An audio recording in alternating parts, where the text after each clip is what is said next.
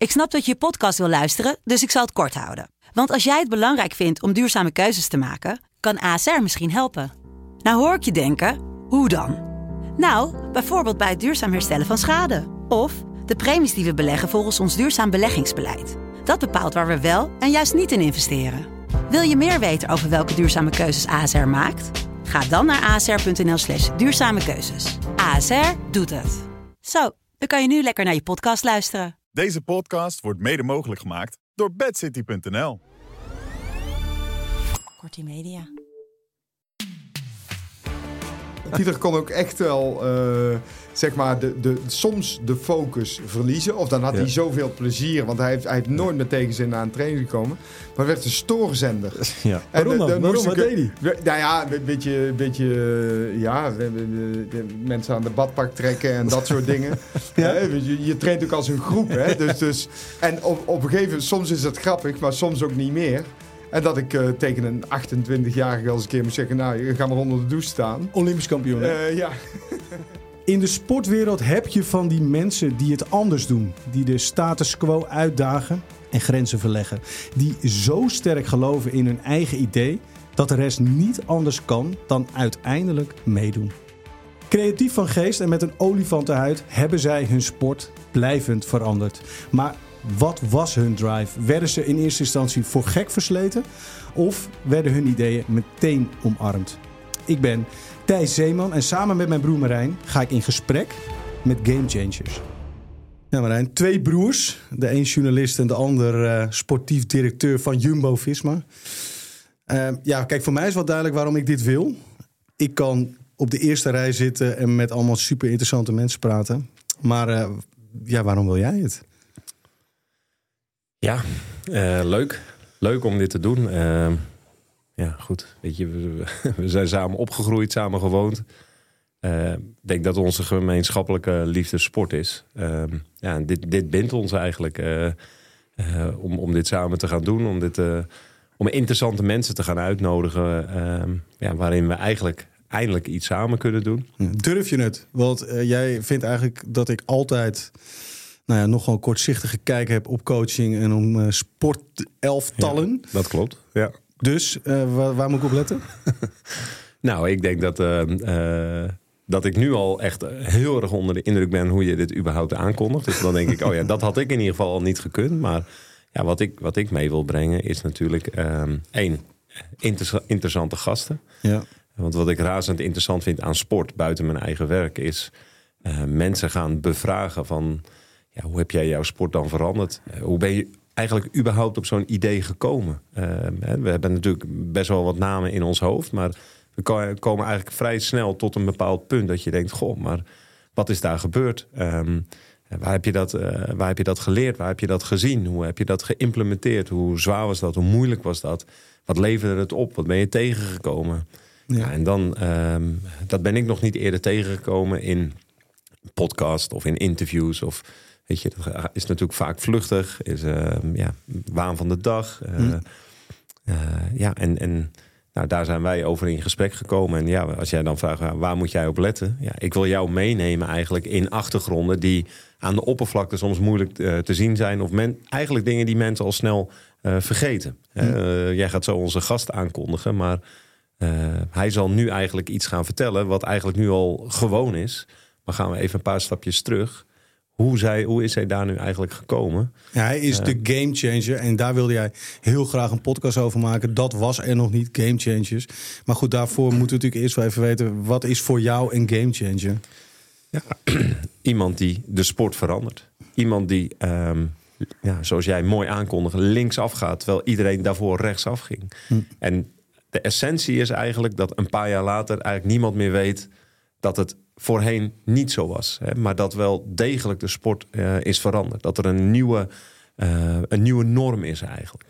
Dus eigenlijk, eh, wij kijken, ik, even als gewoon een simpele ziel die naar de televisie kijkt... en zie in één keer succes. En iedereen vraagt zich af, maar waar, waar, waar is dat begonnen en waarom is dat nu zo? Ja. Dat is altijd het werk van een game changer. Nou, daar gaan we samen achter komen. Uh, want daar heb ik ook niet zomaar het antwoord op. Uh, omdat ik heel veel verhalen niet ken. Uh, dus ja, ik denk dat uiteindelijk de, de luisteraar dat maar eens moet gaan beoordelen. Is dat altijd bij een gamechanger begonnen? Hm. daar zit ook mijn nieuwsgierigheid. In deze aflevering een sport waarin Nederland super succesvol is geworden. Heel veel gouden medailles gewonnen. We kennen natuurlijk allemaal Pieter van der Hogeband, Ranomi Kromowidjojo en Inge de Bruin. Ik heb het natuurlijk over het wedstrijdzwemmen. En onze gast was hun coach, Jacco Verharen. Of is het Jacco? Het is Jacco, uh, vanwege mijn vader, Jacques en mijn moeder Corrie. Okay. Dus die samenstelling zit erin. um, Ja, laat ik eerst even de, de, de, situatie schetsen hoe het Nederlandse zwemmen ervoor stond voor het, tijdperk van jou, uh, Chaco. Uh, nou, daar kunnen we duidelijk over zijn. Beroerd. De jaren 80 en begin jaren 90 waren slechte jaren. Het wedstrijdzwemmen zat overduidelijk in het slop in Nederland. Na de Spelen van 1984 in Los Angeles, die gingen nog wel goed. Twee keer goud, één keer zilver en drie keer brons, begon de vrije val. Speelden we een bijrol in het internationale zwemmen. Meedoen aan finales gebeurde zelden tot nooit. Laat staan medailles winnen. Het dieptepunt van die vrije val zijn de Olympische Spelen van 1992 van Barcelona. Waarin de Nederlandse zwemmers amper finales zwommen en met geen enkele medaille thuiskwamen. Het was duidelijk, er moest een antwoord gevonden worden op het zwemgeweld uit Amerika, Rusland en Australië. En dat is precies hetgeen wat onze gast van vandaag geflikt heeft. Het roer ging drastisch om. Focus kwam te liggen op techniek en strategie in plaats van zo hard mogelijk trainen, waar zijn voorgangers zo op hamerden. Een revolutie in het zwemmen, wat Nederland tot de top van de Olympus bracht. Grondlegger van deze revolutie, ja, dat ben jij, Chaco. Dankjewel. Wat een mooie uh, introductie. grote woorden, maar ik denk ja, dat er, grote woorden. Ja. ja. Uh, waarom zijn het voor jou? Hoe voelt het om zo aangekondigd te worden? Is dat iets wat ook binnenkomt? Ja, komt, komt binnen, uh, maar het voelt altijd alsof het niet over jezelf gaat. Hè? Dus, dus ik, ik, denk, en gelukkig is dat maar zo, dat je niet zo zelf naar jezelf kijkt. Hè? Dus ik uh, ben altijd wel blij uh, dat dat... nee, je, je, probeert toch, zoals dat heet, met twee voeten op de grond te blijven staan. Dat doe ik ook echt wel, om, om elke dag weer een stapje beter te worden. En zo blijf je er toch in zitten. Ja, dus het, het succes heeft je niet veranderd. Nou ja, kijk, succes, uh, omdat je, je, je verandert zelf mee, denk ik wel. Ja. Dus uh, dat is nogal een stelling, hè? Dat mensen zeggen, ja, nee, ik ben helemaal niet veranderd. Nou, dan moet ik ook zeggen, gelukkig wel. Uh, Waarin? nou, je, je verandert omdat je, je weet meer. Je krijgt meer ervaring, je hebt meer dingen gezien. Dus je, je verandert mee en je verandert ook mee met de tijd. Dingen die we 30 jaar geleden in het zwemmen deden ja, die zijn nu ook niet meer, uh, niet meer goed genoeg. En uh, ja, dat, dat, dat is eigenlijk hetgene. Hè? Als je het hebt over game changing, iets mhm. veranderen. Uh, dan heb je het eigenlijk daarover. van hoe kun je eigenlijk tien jaar verder in de tijd kijken. wat is de trend die we mhm. zien in de sport? En hoe kan ik alvast voor die trend uitlopen? Dus het is niet eens in het nu, maar in het tien jaar verder kijken. En, en dat is eigenlijk altijd wat ik probeer te doen. Om, om, uh, ja, om te zien van uh, waar, waar, waar, gaat het heen. En als we toch al weten dat het daar ongeveer heen gaat, waarom beginnen we daar nu niet mee? Even een korte bio. Uh, Jaco Verharen, geboren in Rijsbergen in Brabant. Uh, als jongetje altijd al in het water te vinden, maar je droomde niet van winnen in het bad, maar van winnen naast het bad. Uh, je wilde van jongs af aan coach worden. Een beroep dat nog helemaal niet bestond. Waar echt geen droog brood in te verdienen was. Maar jij wilde het. Um, van een voorzichtige start als badmeester. Manager van alles. Slash trainer in Maastricht. Ging je naar Breda. Daar had je voor het eerst met wedstrijd zwemmen te maken. Maar was het ook nog wel wat, uh, wat amateuristisch misschien. Uh, maar de belangrijkste stap zet je uiteindelijk in 1992. Toevallig of niet ook het jaar van die dramatische Olympische Spelen. Je wordt namelijk gevraagd om coach te worden van de zwemmers van PSV in Eindhoven. Waar je onder andere coach wordt van uh, ene ja, Pieter van der Hogeband.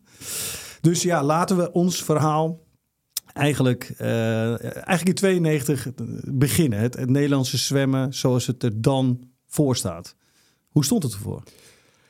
Nou ja, inderdaad niet goed uh, internationaal. Ik, ik, herinner me nog uh, die, die Olympische Spelen. Want je moet je ook voorstellen, ik, ik kwam zelf niet uit de topsport zwemmen. Uh, ik, ik, deed zelf zwemmen, maar dat was, nou ja, dat, dat kon je eigenlijk meer recreatief niveau noemen.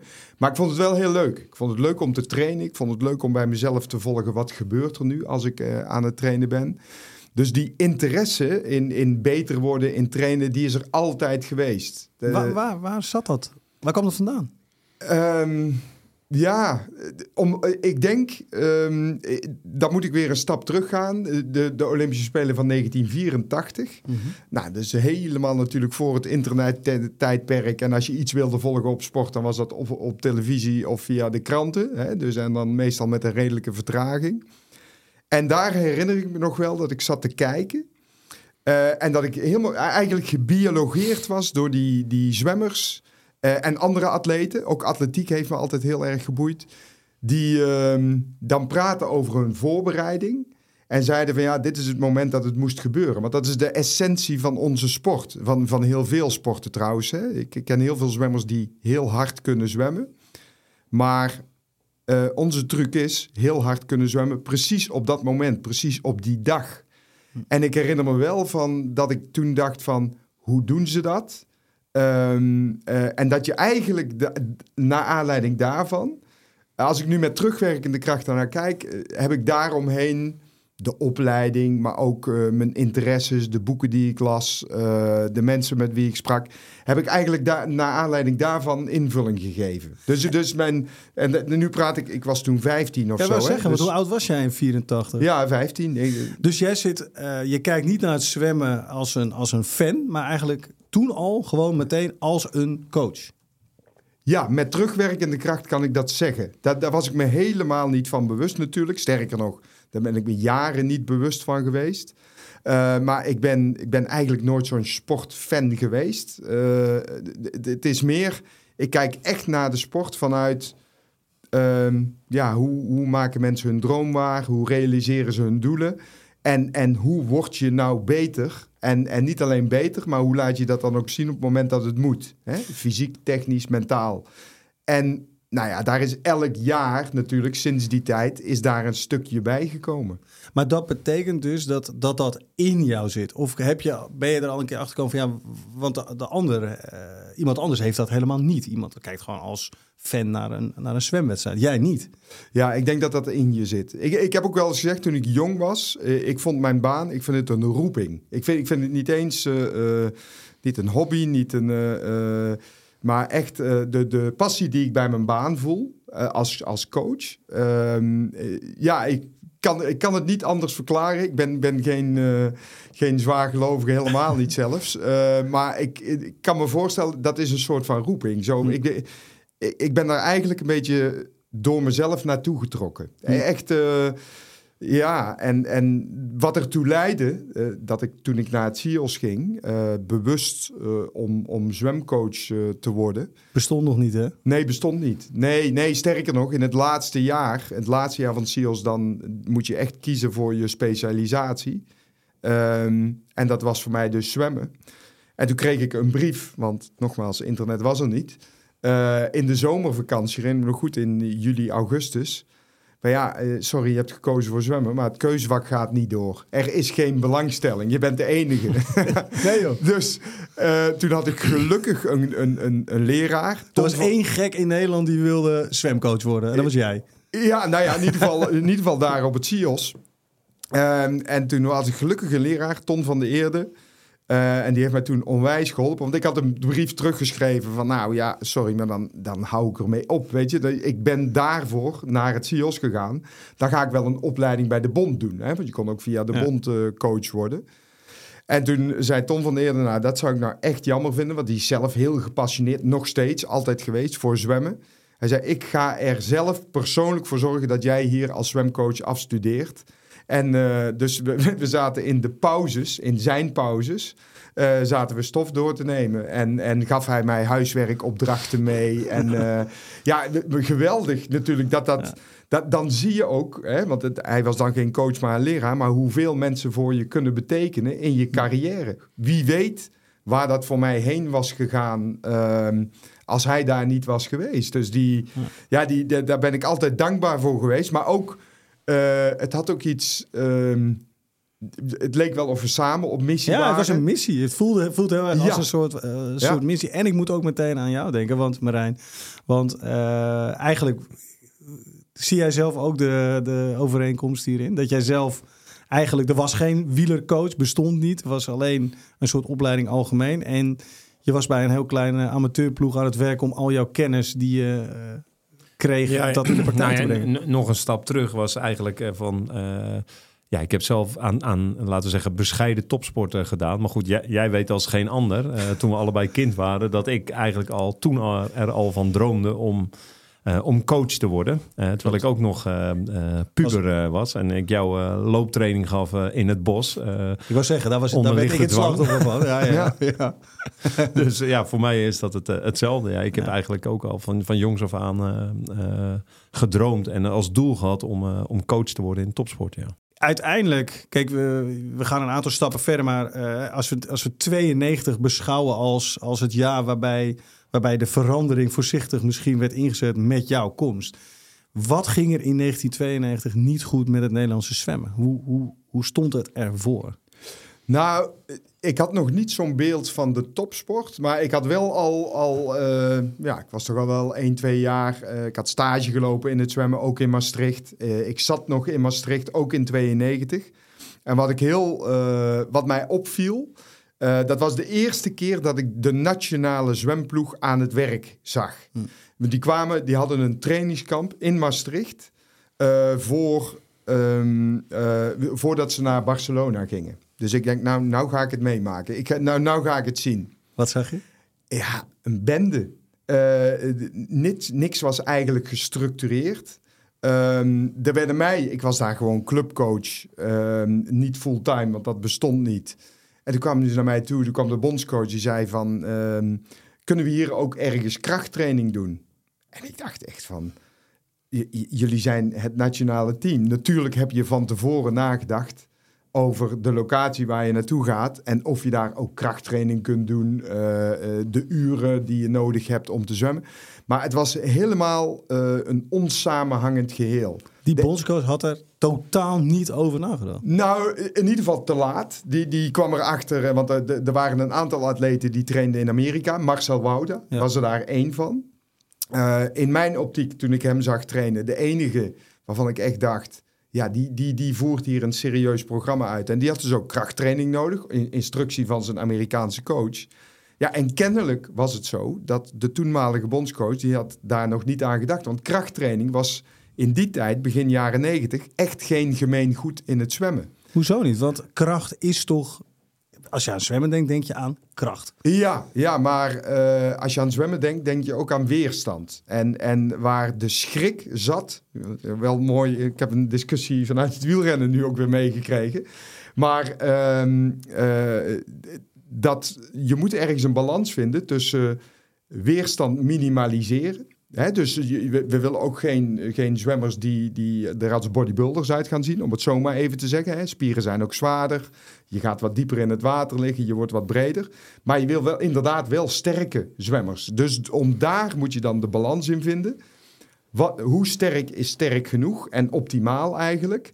Zonder dat dat consequenties, eh, negatieve consequenties heeft voor je, voor je snelheid. Maar daar dacht jij over na. Maar Ja. dat, Ja. eigenlijk, als, als ik het goed begrijp, hebben wij een equipe naar de Olympische Spelen gestuurd die ver verwijderd was van wat er eh, in de topsportwereld gebeurde eigenlijk. Ja. In de, in de Ja. top van de zwemwereld. Ja, dat dat zelfs in mijn optiek... Ik bedoel, ik was pas toen twee jaar trainer. ehm, eh, en dat had in mijn optiek, met mijn beperkte kennis van topsport... had dat niks, maar dan ook helemaal niks te maken. Het, onsamenhangend, niet gestructureerd. Ik wil niemand hier... Het gaat niet om beledigen, hè, maar dat, is, dat waren gewoon mijn observaties... als iemand die gewoon bij een amateurclub eh, training gaf... Ehm, nou, om over voeding en over dat soort dingen maar helemaal niet te spreken. Want dat, dat, dat was, het was gewoon niet geregeld. En men had een afspraak. Oké, we gaan naar Maastricht, we gaan op trainingskamp. En dan vervolgens gaan we naar, ehm, eh, Barcelona en dan hopen we dat iedereen goed zwemt. God zegene gereden. Ge- Ja, geen strategie, geen teamdynamiek, niks. Ja, dat was toch meer een gevoel. Eh, de, de- de- weten op dat moment, je, je- kijk, als 22-jarige of 23-jarige weet je nog niet zoveel in de sport. Dus het was meer een gevoel. En omdat ik zelf wel heel erg was van het eh, heel gestructureerd trainen. Dat is ook een van de grote veranderingen die ik toen al daarin bracht. In Eindhoven. Een, een, eh, eh, nee, dat was al daarvoor zelfs in, in Maastricht. eh, door, ehm, ik, ik maakte dus ook echt trainingen met een, een boek Fysiologie. Weinek of zoiets was het, Fysiologie. Naast me. En dan, dan ging ik sprinttrainingen voorbereiden. En dan keek ik van, hoe zat het ook alweer met sprint? Wat doen we dan precies? Hoe lang moet dat duren? Wat is de pauze? Waarom? En dan ging ik met dat thema ging ik variaties doen. Dat deed ik hetzelfde voor uithoudingsvermogen, voor dat soort dingen. Maar dat was geen zwemboek. Dat was een boek eh, gewoon algemene fysiologie. En het andere boek was er een uit eh, de atletiek. Maar waarom had jij die boeken überhaupt? Waar haalde jij nou überhaupt de gedachte vandaan om dat erbij te gaan gebruiken? Want je was de eerste. Nou, ik had als eh, groot voordeel. eh, eigenlijk is voor mij altijd een voordeel geweest dat ik niet uit de topsport, uit die huidige topsport zwemmen kwam.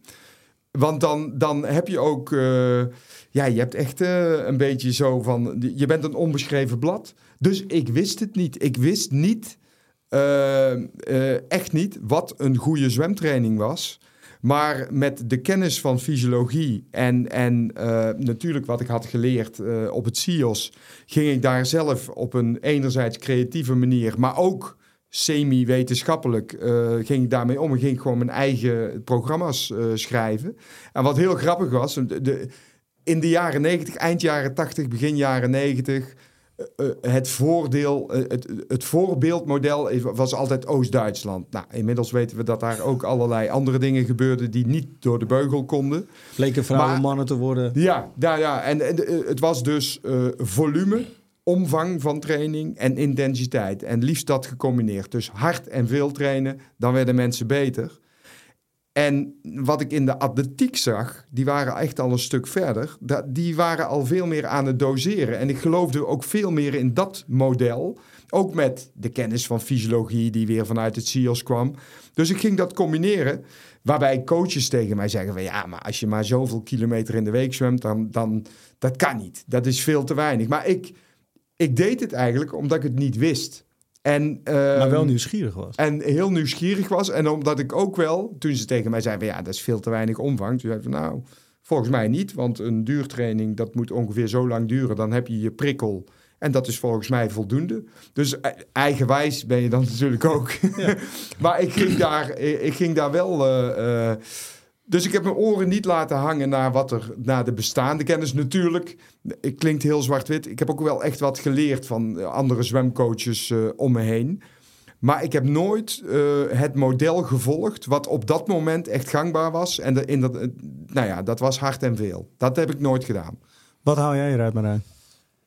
Ja, goed. Kijk, ehm, wat, wat voor Jaco dus eh, normaal is, ehm, we gaan niet doen wat er altijd is gedaan. Dat is in feite natuurlijk hoe eigenlijk in sporten altijd kennis wordt, eh, wordt doorgegeven. Hè? Want je wordt opgeleid door de bestaande generatie. En op die manier, ja, je verandert een klein beetje, maar eigenlijk ga je gewoon altijd door op wat er tot, dat toe, tot dan toe eh, gebruikelijk eh, was. En, en ja, ik, ik hoorde hier eh, een coach zeggen van nee, ja, goed, ik, eh, eh, daar trek ik me even niks van aan. En ehm, ik ben zo nieuwsgierig en zo eigenwijs dat ik eh, de informatie uit eh, literatuur haal, uit een andere sport haal, atletiek. En ehm, ja, ik, eh, ik ga mijn eigen pad zoeken. Want, want daar heb ik eigenlijk dan eigenlijk meteen een volgende vraag ehm, over. Want, want toen werd je gevraagd door eh, Kees Rijn van de Hogeband om naar, naar Eindhoven te komen. Eh, ik heb met Pieter eh, gesproken en die zei ik, ja, toen begonnen wij eigenlijk aan onze missie. Eh, jij was 23, Pieter was 15. Ja. Ehm, maar ja, hebben jullie toen al heel concreet eigenlijk uitgesproken van hoe ziet die, hoe ziet die mis- missie eruit? Of welke opdracht kreeg je mee? Of Kun je daar nog, iets, eh, nog wat meer over vertellen? Nou, de, de, de opdracht, eh, het was inderdaad de vader van Kees Rijn, want die, die was als arts eh, bij Vader die- van Pieter. Ja, ja, ja. Kees Rijn van Kees Rijn, ja, ja, sorry, ja, de vader van Pieter. Die, ehm, die was als arts bij die Olympische Spelen van 1992. Die zag het misgaan, waarbij Pieters moeder, Astrid, zei tegen, tegen Kees Rijn... luister, volgens mij hebben wij een redelijk getalenteerde zoon. Ehm, als wij iets willen, dan zullen we iets moeten veranderen. Want dit gaat niet goed. En Astrid was zelf oud-topzwemster. Ehm, eh, ook trainster. Was toen trainster van, eh, van eh, Pieter ook. En die zei zelf van ja, we moeten, dit, dit kan niet. Nou, toen, heel lang verhaal kort, heeft Kees Rijn een stichting opgericht. stichting Topzwemmen Zuid-Nederland. Ook eigenlijk heel tegendraads. Hè. Als je het nou over een gamechanger hebt, dan was het dat wel heel tegendraads. Want dan, de KNZB was er wel, maar eigenlijk ook weer niet bij betrokken. Het was gewoon zo'n initiatief zo van... Nou, we zien dat het niet goed gaat. Ehm, we gaan niet zeuren, maar we gaan het zelf doen. We gaan het zelf organiseren. Nou, hij met zijn kennis van PSV voetbal eh, en, en vooral de kennissen binnen PSV voetbal, wat vrienden opgetuigd. eh, die daar wat geld in staken, zodat we ook op trainingskamp konden en een eh, medische zorg en dat soort dingen konden betalen.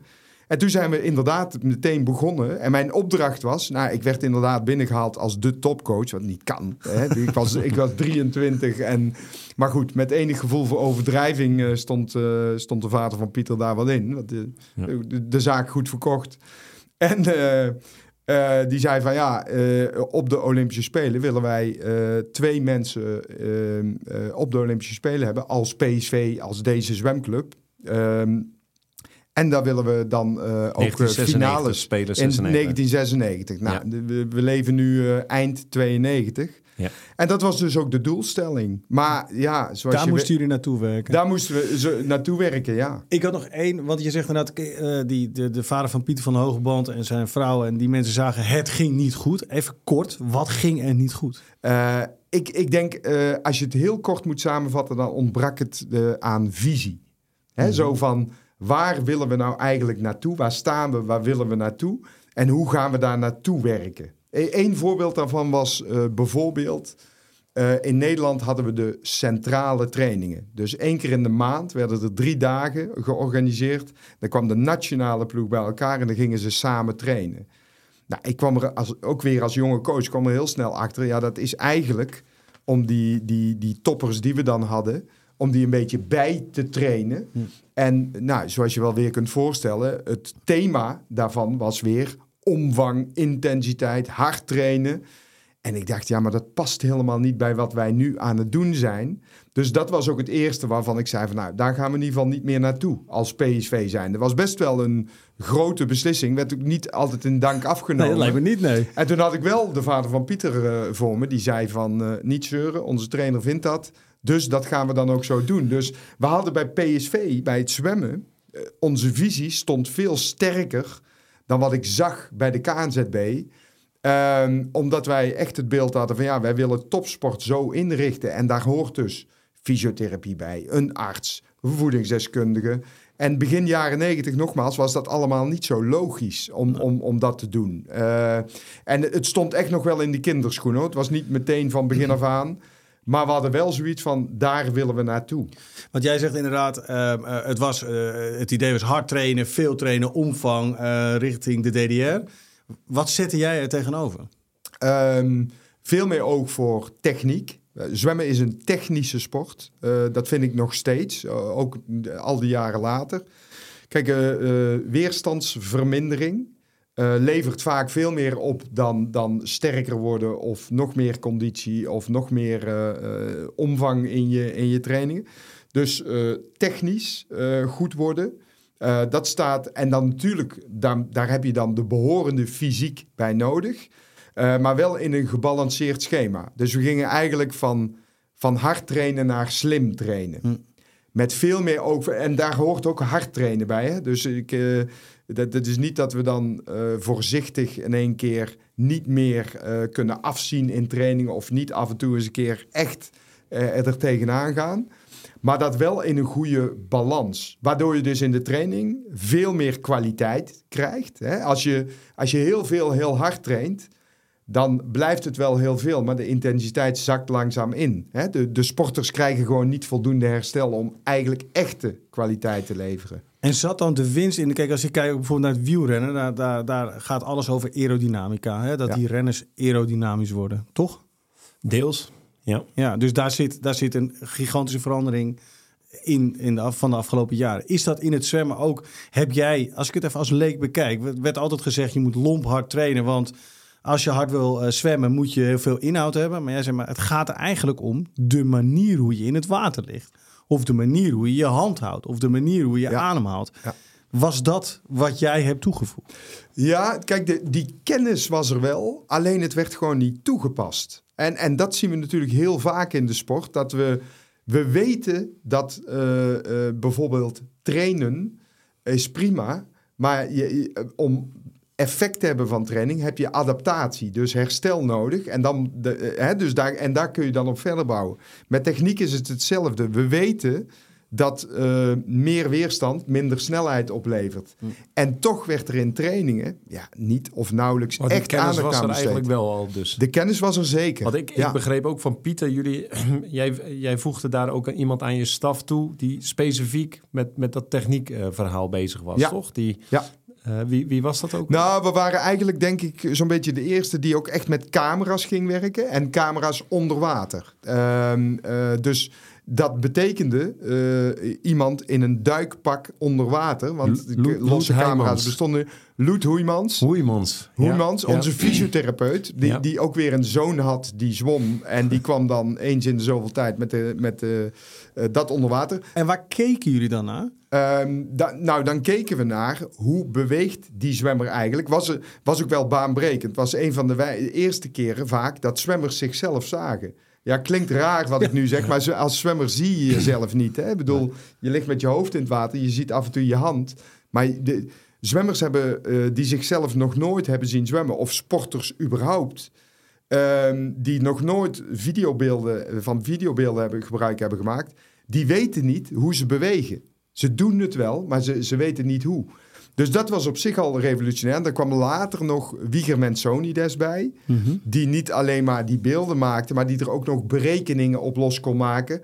Wat dat dan betekende in weerstand, in, in, in eh, stuwkracht eh, bij eh, En, en hoe dacht je dan dat je deze man, Wieger uh, Mensodi, Menso, Men-.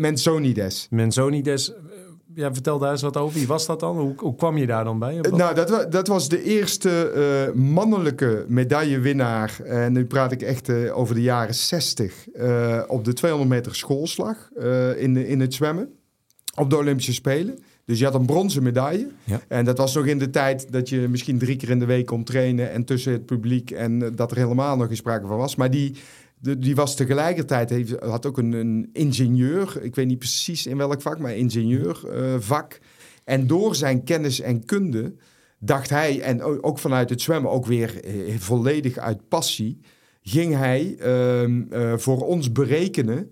Ehm, als je nu zo in het water ligt, of je beweegt je hand zo, of je ehm, eh, bijvoorbeeld bij borstkraal je rechterhand tegenover je linkerhand, als je die stuwpatronen op die manier eh, inregelt, eh, dan haal je zoveel winst. En hij kon dat allemaal middels berekeningen Maar laten hoe zien. wist je dat hij dat kon? Even voor mijn beeld, je houdt nu je hand eh, wat hoger. Dus dat, dat zoals je borst krolt, dus niet middenhoog, maar hoger. Dat, ja, daar ja. zitten dus enorme verschillen in. ja, ja, zeker. Ja, Hoe wist jij dat? Ja, hoe kwam je aan die man eh, dat hij dit kon? Nou ja, dat, dat was dan weer via een andere coach. Hè? Want het is natuurlijk altijd wel via contacten. Er was een andere coach in, eh in eh, Nederlandse zwemmer, George Sieverding heette die. Eh, heet die nog steeds. Eh, en die, eh, die was al heel vroeg al bezig met coördinatie en techniek. En die werkte dus alweer samen met eh Wieger Mensonides. Waarop Wieger weer geïnspireerd werd om dat te doen. Nou, en dat model heeft hij dan later weer eh, bij ons geïntroduceerd. Eh, maar om, om een ander voorbeeld te geven, zo ben ik ook bij Jan Olbrecht bijvoorbeeld terecht kunnen. Een Belgische wetenschapper die een methode heeft om, om eh, VO2 max, dus, dus aerobe capaciteit en VLA max, lactaatproductie. Wat, eh, even, voor- Om- Dat is echt eh, nu... Nu, nu gaan we ver. nu gaan we ver, wat Dat ik heel leuk vind. Maar wat, wat, wat, wat- deze twee termen die je noemt, wat houdt het in? Nou, dat, dat, die- wat hij eigenlijk kan, om het in simpele termen uit te leggen. Hij kan je laten zien wat de motor is van de zwemmer. Hm. Dus de- hij doet als het ware de motorkap open. En zegt dan van, eh, nou, dit is de motor van een, eh, ik heb geen verstand van auto's, maar van een Fiat Panda. Of hier heb je een Ferrari eh, te pakken. En wat kun je daaraan doen om van het een het andere te maken? En wat heb je nodig voor bepaalde afstanden? Dus daarmee kon je ook al echt een schifting maken. Ja. Van dit lijkt een getalenteerde renner, maar er zit een motor van een Fiat Panda in. Ja. dus die Ja, maar- gaat nooit goud winnen. Maar kijk, nou ja, maar de, de, de, de dynamiek bij sport is wel dat je van een Fiat Panda... eh, eh, dat je daar echt nog wel een grotere motor van kunt maken. Die, het lichaam is dynamisch, hè? dus je kunt dat optimaliseren. Nu is natuurlijk ook wel, eh, sommige dingen zijn ook genetisch bepaald of tot een bepaalde hoogte. Maar mensen zijn ook trainbaar. En hoe je doe je dat? Want de training van een Fiat ziet er anders uit dan een training van een Ferrari. Eh, maar je wil wel het maximale uit allebei halen. Maar wat overtuigde jou dan om eh, met Jan Olbrecht in zee te gaan? Of überhaupt dat je bij hem uitkwam? Ja, nou, de- de- de- ik had eh 96, dus na de Olympische Spelen van, van 96, eh, een gesprek eh, met hem. Want ik werd op zijn spoor gebracht, ook weer door een andere coach. Eh, die zei van, heb je wel eens van hem gehoord? En ik had op dat moment geen goede... Ik, ik, ik had nog niks gevonden in testen waarvan ik echt dacht van, nou, hier heb ik iets aan. Dus ik, ik, stond er heel sceptisch tegenover. Eh, dus toen ik een gesprek had met hem, eh, een telefoongesprek, toen eh, was het ook een beetje zo'n gesprek van, nou Jan, wat, wat, wat doe je eigenlijk en wat, wat, wat zou je kunnen brengen hier? Eh, en waar zat die skepsis? Waar, daar ben je stellig in. nou, wat, wat, wat een beetje gemeengoed was in het zwemmen, we deden lactaatmetingen. En eh, ja, dat is leuk, hè? want dan, lactaatmeting is de verzuring in je lichaam, hè? zeg maar. Hè? Die bouwt zich op naarmate de intensiteit hoger wordt en het soms ook langer duurt. Ehm, dus die, eh, we deden wel eens wat van die metingen en dan, dan krijg je een getal, ik noem maar wat, je zwemt 100 meter voluit en dan krijg je lactaat 18. En dan kan je verzekeren, dat doet pijn, 18 doet pijn. Ehm, eh, maar het zei me niks. Ik denk, ja, nou mooi, eh 18, maar wa- wat moeten we hiermee met dat getal? En ehm, toen zei Jan, wij kunnen uitleggen waarom je tot 18 komt. En als je er niet komt, ehm, hoe je daar eh, met training wel zou kunnen komen. Hè? Dus, dus eh, de- eigenlijk de, de machine achter de prestatie. Hm. En toen dacht ik van nou, weet je, eh, het was na de Olympische Spelen van 96. Wat een grote ambitie is natuurlijk richting 2000, eh, Sydney. Want het is heel makkelijk gezegd. Hè? Als je nu met terugwerkende kracht, terugwerkende kracht nadenkt van ja, die techniektrainer, die man die die berekeningen deed, een wetenschapper die jou helpt eigenlijk om trainingsprogramma's te personaliseren en te optimaliseren. Ja. Dat is eigenlijk Ja. wat, eh, wat, wat Jan Olbrecht doet. Eh, mij inmiddels ook bekend, omdat wij ook eh, ehm, eh, zijn filosofie eh, volgen. Eh onderwatercamera. Hè. Eh, inmiddels ehm, eh, in Eindhoven komt een nieuwe topsport eh, zwembad. Nou, dus het eerste wat ze intekenen is onderwatercamera's. Komt Maar nu, hè? Komt nu. Dat komt eraan, maar overal in de wereld, of je nou turnen doet of atletiek, je wordt overal gefilmd.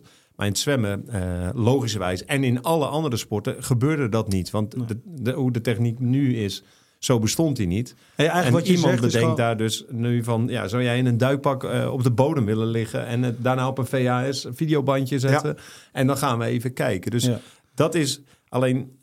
Ja, Jacco is dus een, een coach geweest die dus gebroken heeft met alles wat tot dan toe gebruikelijk was in het zwemmen. En dit zijn voorbeelden van innovaties. Je vindt eigenlijk dat we er te snel doorheen gaan, dat het te makkelijk is. Ehm, alles wat niet gebruikelijk was, hij heeft als een tegendraadse geest heeft hij de sport veranderd. Eh, zijn zwemmers mochten niet meer naar de, naar de nationale trainingen, want ja, maar daar worden, eh, weet je, worden ze alleen maar moe. Ja. Ehm, en, en besef je even dat als je een, een coach van 23 jaar Ja.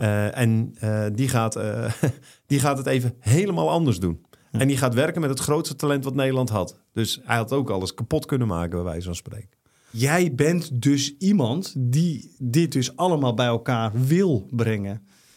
Waarom? Hoe, hoe, hoe kom jij hier nou op? Ehm, nou, er zijn, er zijn heel veel eh, verschillende eh, inspiratiebronnen. Eh, de- de- de- kijk, hoe kom je op dingen? En eh, ik zal een voorbeeld geven wat me nu te binnen schiet. Hè? Ik bedoel, dat is iets later in de tijd. Ehm, maar we, we, we hebben dus inderdaad in, in Eindhoven dat, eh, dat zwemlaboratorium. Dat, eh, dat ligt er nu met onderwatercamera's, met, met dingen die real-time gefilmd kunnen worden. Ehm, ehm, en op een gegeven moment, we waren bezig met starttrainingen, hè, met Ranomi Kromowidjojo. Dat was voor de Olympische Spelen van 2012, waar ze twee keer goud won. Eh, maar dat was nog, dus nog voor die tijd. En wij wisten gewoon van ja, eh, we willen haar start verbeteren. En ik, ik weet op een gegeven moment dat ik, ik zat in het vliegtuig ergens op weg en toen zag ik die film Moneyball. Eh, ik denk wel bekend, hè? Met Brad Pitt. Ja, met Brad Pitt. eh, en, en over, de- nou, dat ging ook over innovatie in de sport. Hè? Van, van door eh, statistisch een team bij elkaar te brengen. met misschien niet de beste spelers als individu. Maar wel het, om het als team bij elkaar te brengen. Kunnen we dit doen? Ik zat naar die film te kijken en toen dacht ik... Wat betekent dit nou voor wat wij nu aan het doen zijn met, met die starts? Nou, ik kwam dus terug in Eindhoven. Ik, ik spreek met die wetenschapper. Ik zeg van, nou, nou zijn we al een hele tijd bezig met die starts. Eh, inmiddels heeft eh, Ranomi er al 300 of zo gemaakt. Kun jij met berekeningen mij nou eens aangeven... eh, wat is nou het verschil? Ehm, wat maakt nou haar goede start? Echt. Eh, Ik zeg, want, eh, nou ja, de 300, eh, hè, want die verschillen bij die topsporters, die worden op een gegeven moment zo klein. Toen zei hij van, nou, ik ga er eens wat berekeningen op loslaten. Dus op een gegeven moment komt hij terug en hij zegt tegen mij, het is de knie. Ik zeg, wat, de knie? Ja, de knie van Renomi, haar kniehoek is bepalend voor de tijd op 15 meter. En dat zien wij als de starttijd. Ik zeg, maar is dat het enige? Hij zei, ja, dat is het enige. Hij zei, als die goed is, dan, ehm, ehm, dan maakt hij de beste start. En ze had op een gegeven moment, zij kreeg de beste start ter wereld. Door die knie. Door die knie.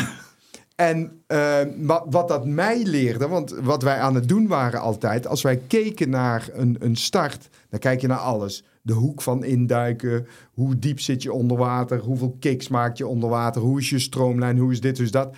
Eigenlijk veel te veel. Dus eh, ik heb het echt wel, nou, misschien wel twintig keer moeten verifiëren met die wetenschappers. Weet je het zeker? Ik zeg, want dan gaan we daar dus op trainen. Dan kijken we dus ook nergens anders meer naar, alleen maar naar die knie. Maar je, dat bij- betekent dus dat je uiteindelijk van iemand totaal andere tak van, nou ja, sport. Die het was niet eens sport, wetenschap. Ja, dit was geen eh, zwemcoach. Precies, dus Ja. die brengt in één keer Ja. iets wat dus een revolutie teweeg heeft. Ja, maar begrijp je dan wat het Moneyball is? Hè? Want Ja, data, ja. Ja, nee, maar Moneyball was dus... Het bekendste van de film is natuurlijk... er zitten daar tien scouts... die al honderd jaar in honkbal werken... die allemaal op dezelfde manier naar de sport kijken. En toen kwam er dus een econometrist... en die pakte dus data, die pakte dus een kniehoek... Ehm, ja, maar het zit hem hierin, want ehm, eh, de data laat zien en de statistiek laat zien dat als die kniehoek die hoek is, dan is de kans het grootst dat je snel start. Maar dat is dus een compleet andere manier naar een start kijken, een Ja. andere denkwijze, ehm, eh, dan, dan wat er tot dan toe eh, gebruikelijk eh, is. Ja, en, en dit is een hele mooie, hele mooie duiding dit, hè? Want kijk, in, in, in de sport inmiddels, wij zijn van begin jaren negentig naar bijna geen data, naar een overkill aan data gegaan. Hè? Ik bedoel, de, de, tegenwoordig weten we bijna alles over, over atleten. Maar dan het, ehm, ehm, ja, hoe, hoe, hoe ga je dat nu gebruiken in, in, die, in die sport? Hè? Hoe, hoe verbetert iemand dan ook echt in training? Nou ja, het heeft ook echt mijn ogen, want ik vind het nog steeds een heel mooi verhaal. Ik zie Maar een twinkeling in je ogen. echt mijn ogen toen geopend in die dynamiek met die wetenschapper aan de badrand, die ik toen wel heel vaak sprak. En eh, Sander Schreef heet hij.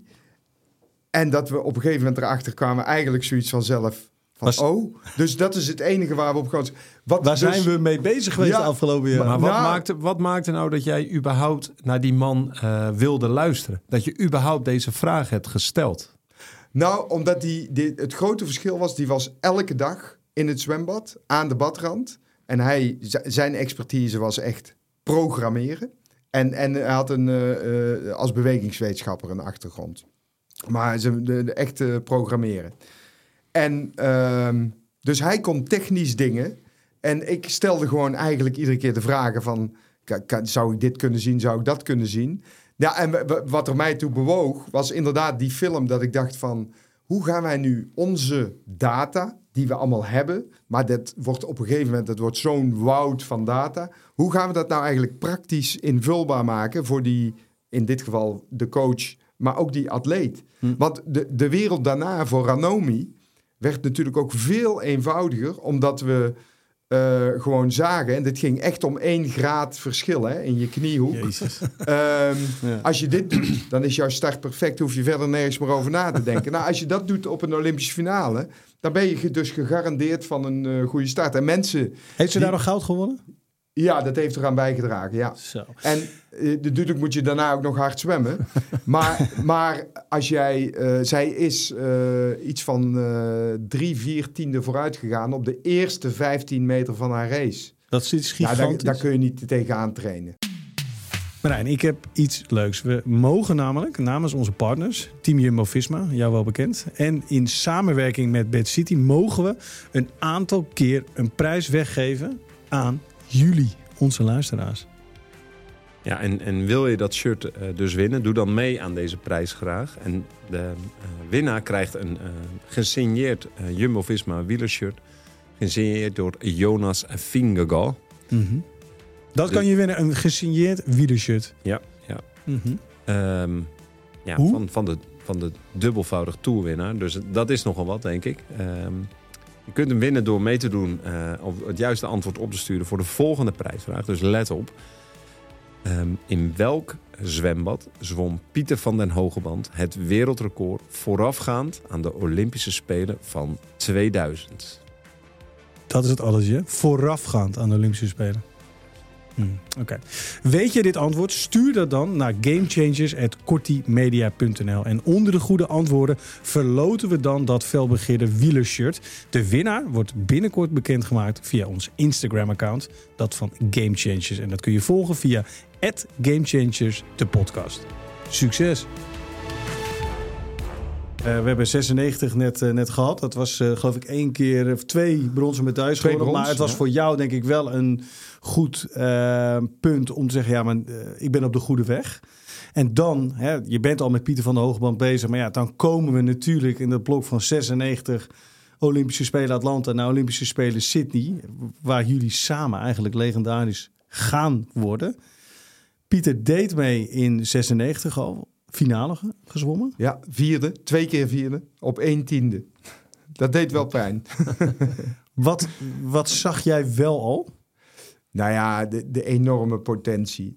Nou, heel specifiek bij Pieter zag je gewoon van ja, eh, ik deed toen ook de, de- misschien wel de domme uitspraak. Nou, als die jongen geen wereldrecord zwemt en Olympisch kampioen wordt, dan is mijn carrière als coach gefaald. Ik hoor het me nog zeggen in Wa- 96. Wanneer zei je dat? In 96? In de 96, ja. Tegen een Volkskrant-journalist. Dus dat was ook bam. Dus ik had ook meteen mijn eigen doel neergezet. Eh, dat, dat, dat zou ik niet meer zo snel doen. Maar ik zag wel de, bij hem... Ik zag nog zoveel ruimte te, om, om te verbeteren. Technisch, fysiek, alles eigenlijk. En ik was zelf natuurlijk ook eh, ja, nog een hele onervaren coach op dat moment. Maar het ging al wel heel erg goed. Dus Hebben jullie, heb jij hem gemaakt of heeft hij jou gemaakt? of eh, hebben jullie elkaar gemaakt? Naar elkaar. Ja, dat mag je wel zeggen. Ja, ja. Het is, en we zijn ook echt letterlijk beide opgegroeid in de sport. Hè? Als je, ik begon met hem, toen was ik 23 en Pieter was 15. Ja, dan, dan weet je allebei niks. Eh, dus, of in ieder geval niet, niet voldoende. Met dat voordeel wel dat ik iedere keer e- één stapje voor kon blijven op zijn eh, kennis. En, en dat is ook het doel. Eh, Van Pieters kennis. ja, ja. Van, van, en in het begin natuurlijk ook iets meer. Als je 15 bent, ja, dan, dan zit je in een hele andere fase van je ontwikkeling. Hm. En ook een hele andere dynamiek die je samen als trainer en pupil hebt. Hè? Dat, dat, dat is, dan ben je iemand iets aan het leren. Hm. Terwijl wij zijn doorgegaan tot Pieter zijn dertigste. En dan ontstaat er een soort van co-creatie van een programma. Dat is een hele andere fase. Mhm. Overigens, overigens eh, hierover, hè, wat, ehm, om, voordat jij vooral snel verder moet gaan. Maar een van de dingen die ik heel mooi vond van Pieter om te horen is dat. eh, Eh, dat hij wel zei van ja, inderdaad, jullie werden een co-creatie of je ging op een volwassen manier met elkaar om. Maar ook aan het einde van zijn carrière stuurde hij hem nog steeds af en toe weg van Ja. de training als Ja. hij ongeconcentreerd was. Ja, ja, ja Pieter, Pieter kon ook echt wel, eh, zeg maar, de, de, soms de focus verliezen. Of dan had Ja. hij zoveel plezier, want hij heeft, hij heeft nooit met tegenzin naar een training gekomen. Maar werd een stoorzender. Ja. Waarom En, dan? eh, Waarom? moest Wat ik- deed hij? Nou ja, een beetje, een beetje eh, ja, mensen aan de badpak trekken en dat soort dingen. Je, je traint ook als een groep, hè? Dus, dus, en op, op een gegeven moment, soms is dat grappig, maar soms ook niet meer. En dat ik eh, tegen een 28-jarige als een keer moet zeggen, nou, je gaat maar onder de douche staan. Olympisch kampioen. hè? Eh, ja. Het is, Dus, eh, Pieter, wegwezen. Pieter. Piet, ik heb vandaag niks aan je, zei Pieter zelf. ja. Ja? ja. En dan, dan eh, nou, om, omdat het wel heel belangrijk is. Kijk, wij zijn natuurlijk hele goede vrienden. Eh, dus, dus, eh, maar omdat het wel belangrijk is dat die discipline in de sport is en blijft wel heel belangrijk. Plezier overigens ook. Hè? Ik kan er achteraf en toen ook wel. Ik kan er ook wel om lachen. Ja. Maar op een gegeven moment, ehm, ja, eh, ook de, de, het wie is de coach, wie is eh, de pupil, blijft wel een belangrijk gegeven. Kijk, je, je relatie verandert wel met een, een, eh, een atleet. Maar ehm, ja, het is nu helemaal zo dat een, een coach toch wel creëert nog steeds, maakt nog steeds het programma. Dus neemt ook af en toe beslissingen. Ehm, en, en een atleet doet. Nu Ja. is het nogmaals niet altijd zo even zwart-wit, maar dat, dat, dat, Dat, is wel de de, balans zoals dat het is wel de volgorde, ja. Kijk, je zegt dus al in 1996, jongens, Pieter van de Hogeband gaat goud winnen, eh, want anders eh, ben ik een waardeloze coach. Even Ja. vrij vertaald. Ja, dat klopt. De situatie was toen eh, dat volgens mij Popov de man to beat was. ja, Een vent uit Rusland, daar moest jullie naartoe. ja, ja. Dus, eh, maar de, de- dat is ook weer, en, en dat is ook weer het voordeel. Eh, want inmiddels kende ik de sport natuurlijk veel beter. En ik had zelf een Olympische Spelen meegemaakt. Maar ik was nog niet, weet je, ik had nog niet zo van ehm, de beperkingen die je soms jezelf oplegt. Als je nou eenmaal uit die sport komt. Dat je denkt, dit kan ook niet. Of dit. Leek het een mission impossible dat Pieter Nee. hem ooit... Nee, Nee, nee. want je zei in 96 al, hij gaat hem Nee, verslaan. nee die, die twijfel, eerlijk gezegd. eh, kijk, je moet het altijd nog maar doen, hè. Eh, maar er is bij mij nooit twijfel geweest over de missie. Nooit. En bij Want hoe- Pieter want ook hoe, niet. Want hoe zag dat eh, toen, toen dit hele traject begon? Hè, van de, we kijken altijd tien jaar vooruit. Wat, wat zag je dan? Tien jaar verder eigenlijk? Wat moest er nog gebeuren? Waar wilde je naartoe? Nou, het, het- wereldrecord was eh, van Popov eh 48-2. Overigens niet gezwommen op een Olympische Spelen, maar een tussendoorwedstrijd in Monaco. Dat zegt al heel veel eh, over. toen dacht ik, dat kunnen wij beter doen. We kunnen ervoor zorgen dat zo'n prestatie op de Olympische Spelen komt. Hè? Dus pieken op het moment dat het moet. Niet Maar- dat Popov dat niet deed, hè? maar ehm, die heeft zelden zijn beste tijd op een Olympische Spelen gezwommen. Want het was een choker. Nee, nee, nee, nee, nee, nee, nee. Hij is Olympisch kampioen geworden. Maar er is nog een verschil tussen eh, winnen en winnen in je beste tijd. Periodiseren. hè? Eh, echt- periodisering, Echt, echt zorgen ja. dat, dat je op het juiste moment eh, je Ja. beste wedstrijd Ja. ooit zwemt. Nee, het was zeker geen joker. Anders kun je die wedstrijden niet winnen. Maar zijn niveau was gewoon hoger dan dat van de rest. Maar dat betekent dat de missie was, Pieter van de Hoogband moest de eerste man onder de 48 Ja. seconden worden. Ja, en dat is eigenlijk eh, het tien jaar vooruit kijken. Want de coach van Popov, wat overigens een hele goede coach was, maar die zei, dat was dan ook weer zo'n wetenschappelijk iets. Die zei van, nou, als je niet langer bent dan twee meter, dan kun je ook niet onder de 48 seconden zwemmen. Nou, Pieter is geen twee meter. En eh, ja, wij deden dat ook meteen af. Wat een onzin. Weet je, dat... Dat een gelul. ja, maar, wat, maar wat ik ook weer heel interessant daaraan vond, was... Jij hebt er maximaal alles aan gedaan om die coach eh, naar Eindhoven te halen... en dat hij zijn kennis ging delen, toch? Eh, nee, dat was weer. Nee, dat, dat- dan halen we dingen door elkaar. Ik heb, ik heb wel ehm, regelmatig met hem gesproken, voor zover dat kon. Zijn Engels was zeker in het begin niet zo, niet zo goed. Dus eh, heel veel waardering eh, voor. Ehm, nee, Vertelde ik- niet ook dingen dan? ja, zeker. Ja, ja, ja. Want eh, ook hij was heel gepassioneerd over, over, over dat zwemmen. En dan voel je toch... Kijk, de, de 100 meter in het zwemmen, dat is het koningsnummer. Hè? Dat is gewoon... eh, Daar draait het eigenlijk om. Nou, dat, dat, dat vinden we vaak. Al die andere nummers zijn ook heel mooi en heel belangrijk. Maar de Nee. 100 meter is de 100 meter. Dat, daar gaat het om. Net als in de atletiek is Zeker. het ook de 100 meter. En eh, dus hij was, werd ook gezien als een voorbeeld in de zwemsport. Dus ik, ja, als coach, ik ging gewoon bij hem eh, vissen, inderdaad. Van wat doe je dan? Ja, maar dat natuurlijk, je, zwem je dan? zegt vissen, je gebruikt woord. Ik, als ik dit luister, Ja. denk ik, die, heeft die man het eigenlijk zijn geheim verklapt? Nee, want ik, ik ben ook niet, we zijn ook niet op dezelfde manier gaan trainen. Wat Om- voor om- motor lag er in, Pieter? Eh, Ja, dat, de- een Lamborghini, ja, ja, ja. Dat is duidelijk, maar als je daar verkeerd mee omgaat... of de afstelling staat niet goed, dan kun je er niks mee. Dus dat, dat, dat was de toegevoegde waarde. Ja, want heel, even dat, dat duiden. Kijk, wat natuurlijk heel vaak gebruikelijk is in de sport. Je hebt een trainingsprogramma en one size fits all. Hè? Dus ja. dit is het trainingsprogramma. En of je nou een sprintstype was of een lange afstand, min of meer hetzelfde doen. Maar ook binnen eh, zwemmers die dezelfde afstand doen, heb je nog steeds een andere motor.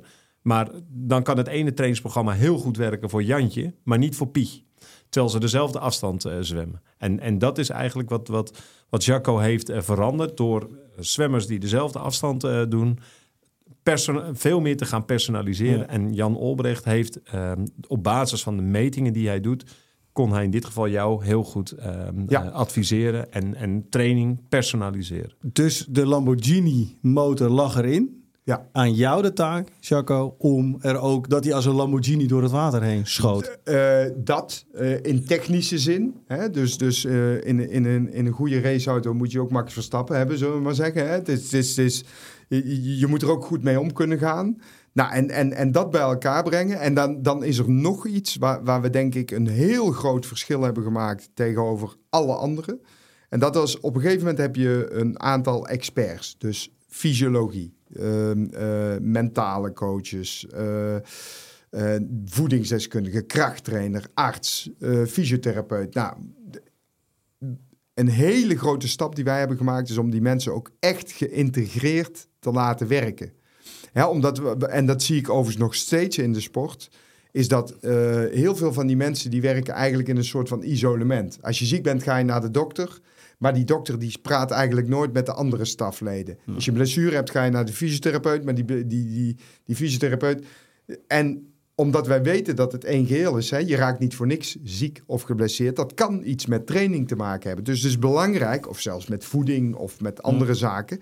Dus het is belangrijk, de geïntegreerde aanpak. Dus eigenlijk, Die soort, hebben we eigenlijk wel uit, nou, uitgevonden, maar ieder geval in het zwemmen wel uitgevonden. Ja. dus eigenlijk een soort, eh, als je dat visualiseert, misschien een soort pitstraat waar Pieter in kwam te Ja. liggen. En eh, er stond eh, een dokter, er stond dat, er stond dat. En die waren allemaal in contact met elkaar. Ja. Zodat jullie als groep die Lamborghini gingen Ja. opvoeren. Ja, en, en, ja, dat is een mooie eh, ik- vergelijking. Ja. Ik, ja. ik hoor er nu ook, hè, het, eh, want, want ehm, de zwemmer over tien jaar, eh, even een zijstapje, het mentale stukje. Maar eh, wat, wat Pieter mij ook vertelde was dat jullie waren daar ook je tijd ver vooruit. Het mentale stuk, het visualiseren, het Ja. Taperen. Eh, Kun je daar nog iets, iets, iets over vertellen? Wat, Taperen, wat is dat? Ja, eh, dus eh, nou, taperen is eh, dat laatste stukje voor de, voor de piekwedstrijd. Hè. De taperen betekent eigenlijk temperen, eh, rustig aandoen. Hè, dus je gaat, je, gaat, eh, eh, je gaat niet harder trainen voor een wedstrijd. Je gaat het juist rustiger aandoen om al je energie te hebben voor die wedstrijd. Tijdens dat taperen moet je wel voor zorgen dat alles wat je hebt, dat je dat onderhoudt. Dus je kracht moet op niveau blijven, dat soort dingen. Dus je moet uitrusten. Maar ook weer niet eh, zoveel uitrusten dat je in één keer kwaliteiten gaat verliezen. Het is een heel eh, fijn, fine-tune proces allermoeilijkste in de eigenlijk. topsport.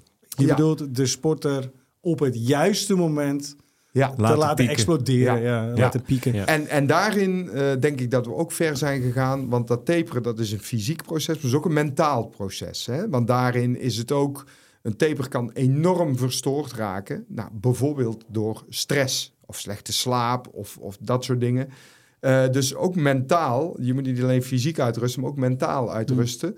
Terwijl je wel weet dat er een topprestatie aankomt. Eh, en als je op dat moment ook weer dat een plek kunt geven van... Het is oké, hè? ik, ik, ik word nerveus. Op een gegeven moment komt die wedstrijdspanning.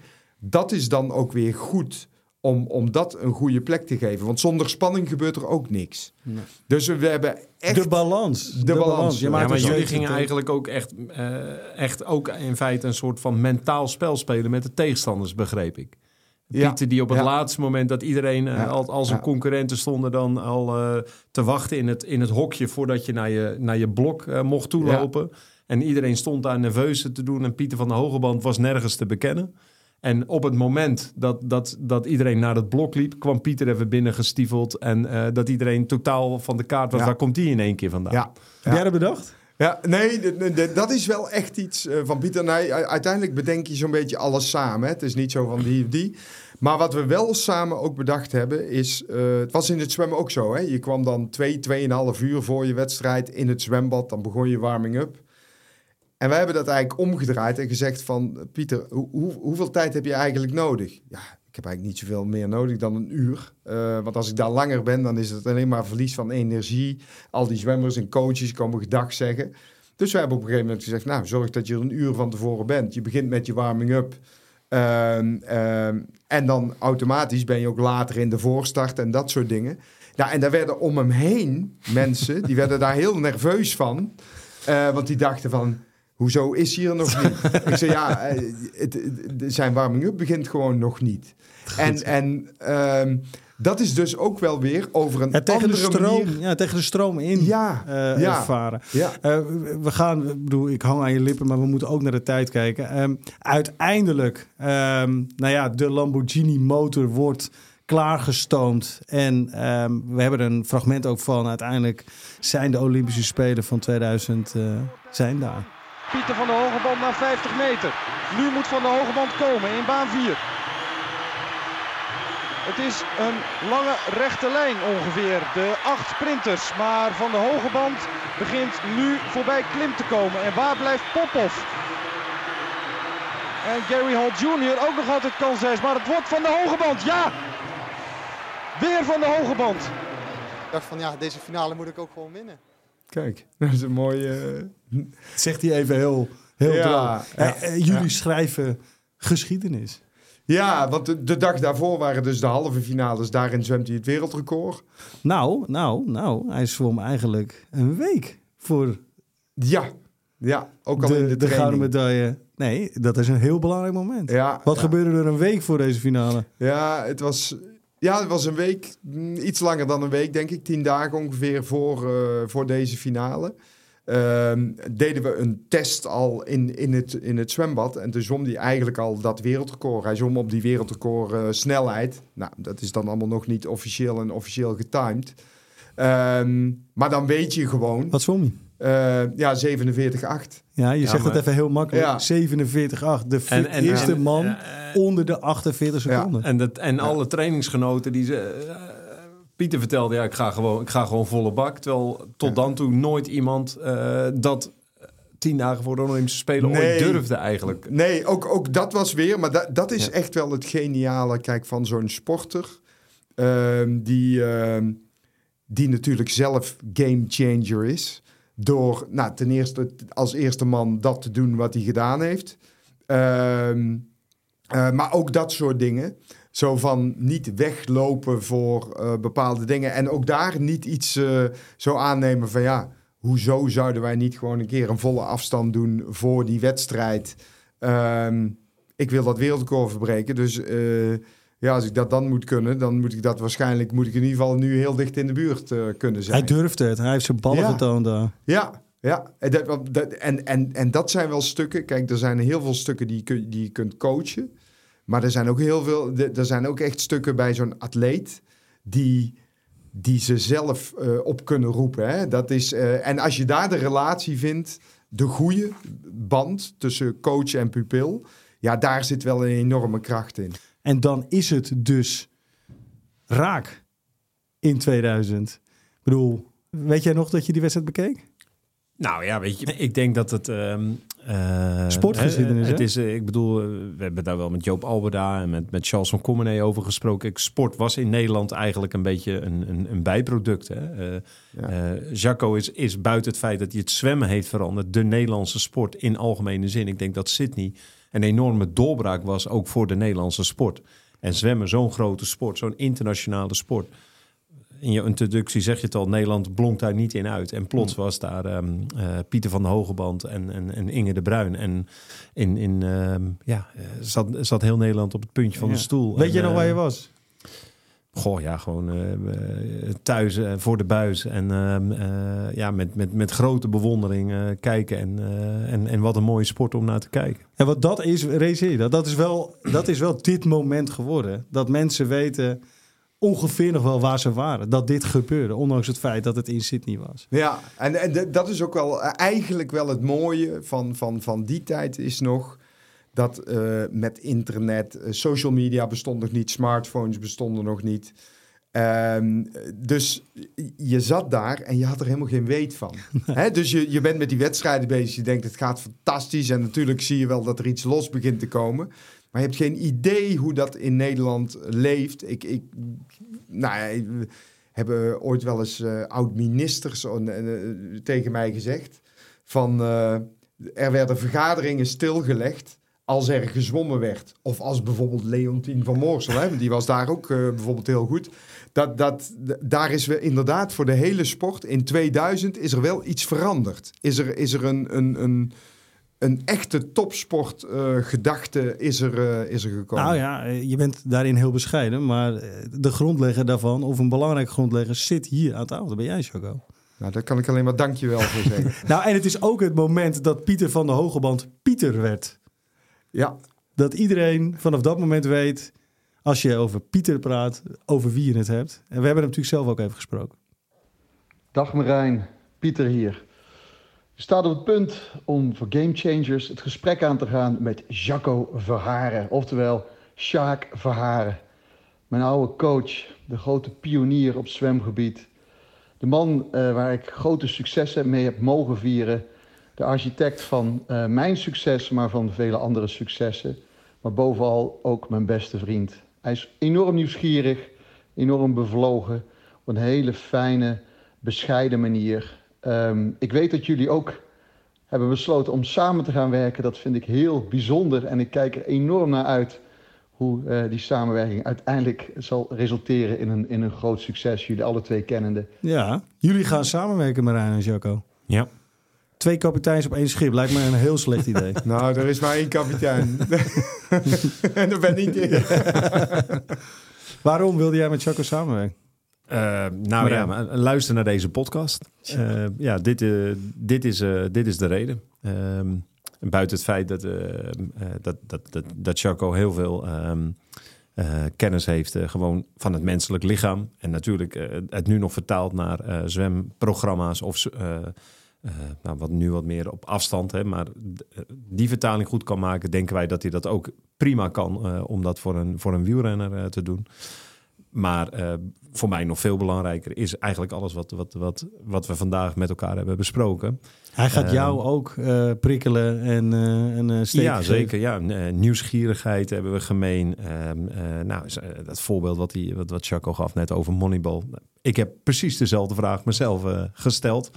Oh, maar wat betekent dit voor mijn sport? Eh, hoe eh, eh, bestaat dit voor ons ook? Kunnen wij ook anders naar dingen gaan kijken? Voor mij is dit mega inspirerend en, en ehm, eh, essentieel om, om jezelf te blijven verbeteren. Om op deze manier, wat, wat zijn DNA is eigenlijk, eigenlijk zelf helemaal gevormd. Niemand heeft jou verteld, goh, je moet eens anders naar je sport gaan kijken. Maar dat zit, zit blijkbaar in hem.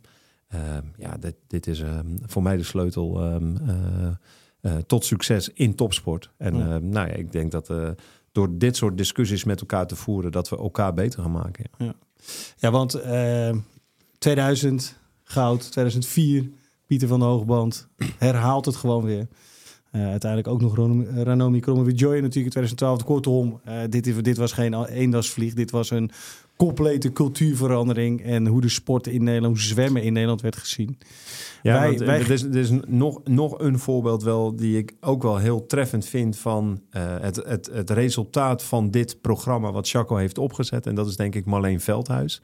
Als ik me niet vergis, eh, stond zij nooit te boek als het toptalent. eh, toen ze nog jong eh, was en in de jeugd zwom eigenlijk. Eh, maar is, is echt eh, heel geleidelijk eh, gekomen en uiteindelijk ook eh, Olympisch kampioen eh, geworden. Uh, Olympisch kampioen in de estafette. Ja. Uh, Olympisch brons uh, zelf. En dat, dat was ook een heel mooi traject.